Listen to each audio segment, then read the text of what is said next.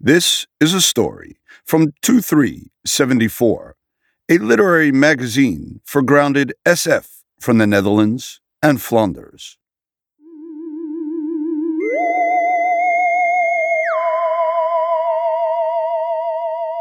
The Man in the Moon, a story by Willem Bos, translated by Yoni Swart.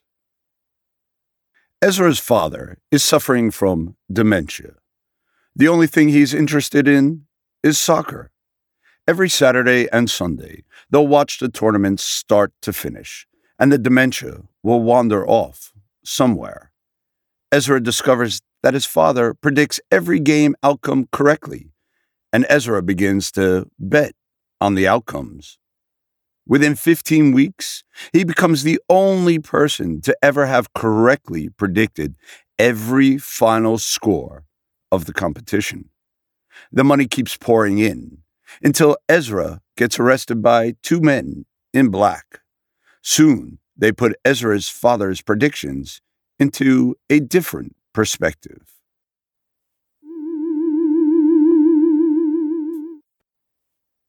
My father had, in fact, been an old man his entire life. There are these people.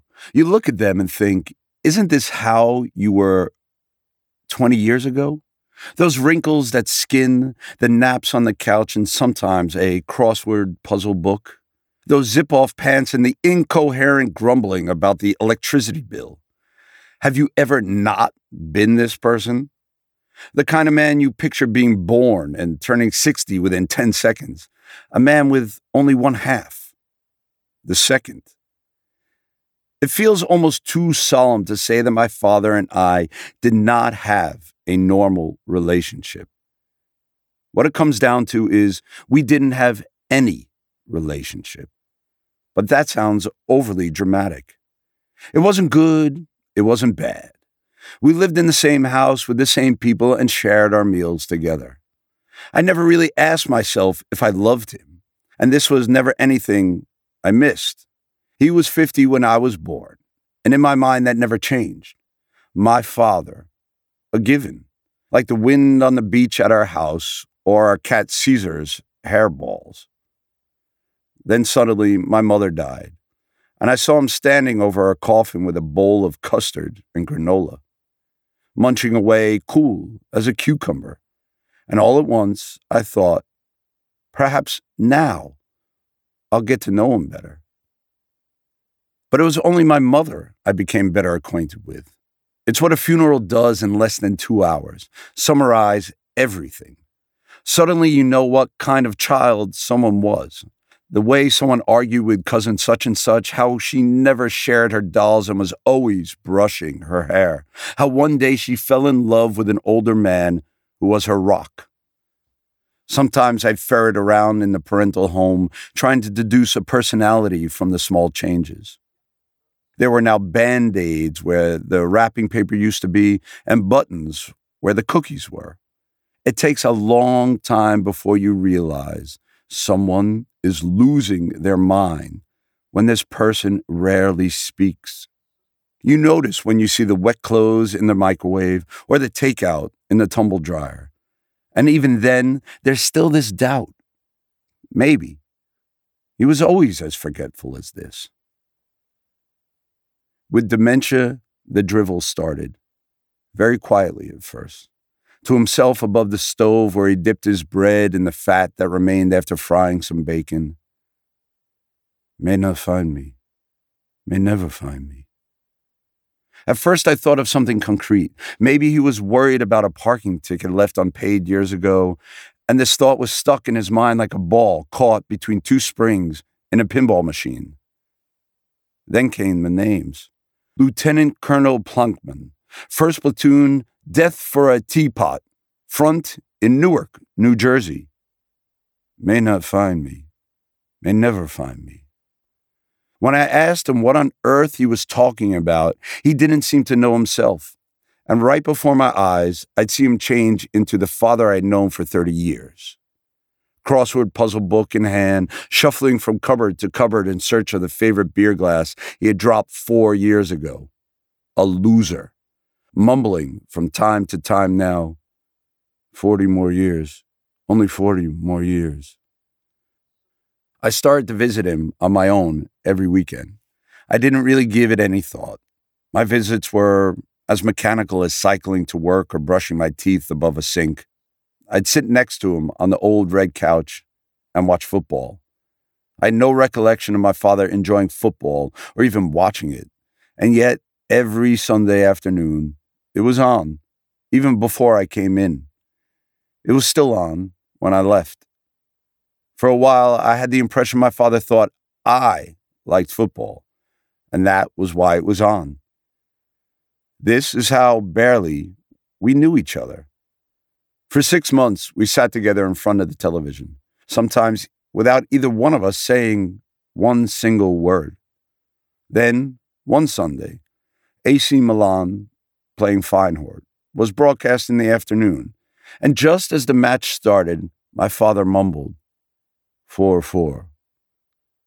I remember because 4 4 would be a crazy result for any football match, but simply impossible for AC Milan against Feyenoord. That much I knew. But 105 minutes later, it was 4 4, and my father gave a smile you would seldom see on his face. If he had managed to beat my mother in a game of trivial pursuit, when a little block of wood at the front of the stove burst apart with a damp snap, or if the red-headed weather lady came on and my father said out loud, Now that is what I call an attractive woman. He always did that. Now, I was so relieved I almost laughed and was about to ask him what the result would be of the return match in Rotterdam when he got up and shuffled back towards the kitchen, his puzzle book under his arm. May not find me, may never find me. One week later, I was in time to see the league matches of the Dutch teams. The first was VVV playing Ajax, and part of me had hoped for a week that again he would hazard a prophecy. I didn't care if he was right. It was just that I felt as if we were having some kind of conversation. But when I came in through the back door and had pushed Caesar aside, I found my father asleep on the couch, a plate of macaroni in milk turned upside down on his chest. I cleaned up his kitchen for him, heard him wake up in the living room, and decided to, for the first time in my life, wash him in the shower. I shuddered at the thought of seeing him naked. But as I returned to the living room with the clean dishes, he'd sat up and had already switched on the television. 2 0, 1 4, nil nil, 1 1, nil 3. There were five matches, and he was right five times. If he had made one mistake, I would have just laughed out loud, or perhaps even called my wife. Now, I felt a little uncomfortable. I wasn't after more mystery. All I wanted was a little contact with my father. Of course, that same week, I had to file last year's tax return, and my son had to get new braces. The following week, to my shame, I found myself sitting with a football pool coupon on my lap and a phone in my hand. It's not that I intended to get rich off my demented dad. It was more to see quite how far this would go and make some money along the way, just for fun.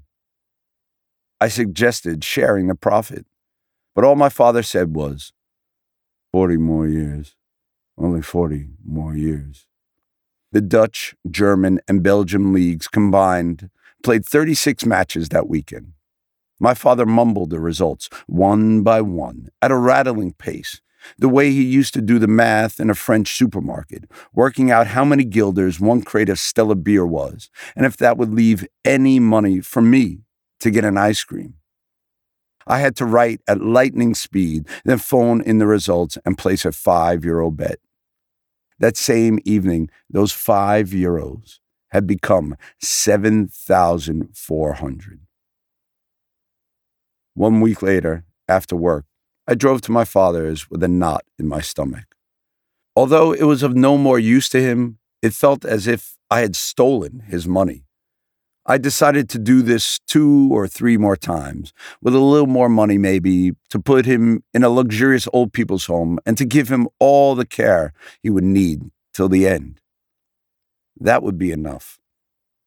As I opened the back door, I saw Caesar meowing and whining in front of a water bowl as dry as dust. And on the couch lay my father, with his belly up and his mouth open, the way he lay on the couch every afternoon throughout my adolescence, ready to jump up and shout, I'm here, to no one in particular. But this time, he was dead. Far fewer people came to his funeral than my mother's. I had to make a serious effort to find more than 20 people who could remember him at all. Eventually, a handful of former colleagues from the municipality were willing to attend, and some volunteers from the church where he silently helped pollard the willows every year. During the service, they played a song that was actually one of my mother's favorites, and I read a poem by a stand up comedian that once made him laugh his head off. The condolence was short. A man I'd never seen before lingered a bit. His straw colored hair was half long. He was wearing a gray coat over a thin black suit. How often do you think someone correctly guesses more than five different football matches in one week? We had sat down on the only bench in the cemetery, opposite the freshly dug grave of my father. The man hadn't really introduced himself, but had asked if he could steal five minutes of my time. I have no idea. Once a year. Oh, and do you know how often someone correctly guesses more than 20 matches? I don't. Never. It has never happened. I was obviously expected to answer now, but it seemed impossible to me that my father or I had scammed the football competition in three different countries. So I offered no opinion. This made the man smile. In the end, you can't help it. None of you can. First, you think a quiet life is enough. If only I can get away. I'll be glad if I can just lay low. Then it starts eating them. Then suddenly a woman in Kentucky wins the Powerball five times in a row. And that's how you are found. I wondered how one wins the Powerball five times in a row. Where were you between 2040 and 2043? I'm sorry. Where was I between what? Where were you between the year 2040 and the year 2043? I didn't laugh at his question because I knew it wasn't a joke. Yet the man next to me must have seen the genuine surprise on my face because he asked me again. Franz Honecker? Yes, that's right. You have correctly guessed 36 matches in the football pool? I shook my head. My father did. Now, the man seemed to realize something. He looked at the freshly dug grave nearly opposite us, rose to his feet, and briefly wrote something down in a notebook he fished out of his breast pocket. A cross behind a name. I do apologize. My condolences. And with that, he trudged off through the cemetery. Over two weekends, I cleared out my father's house.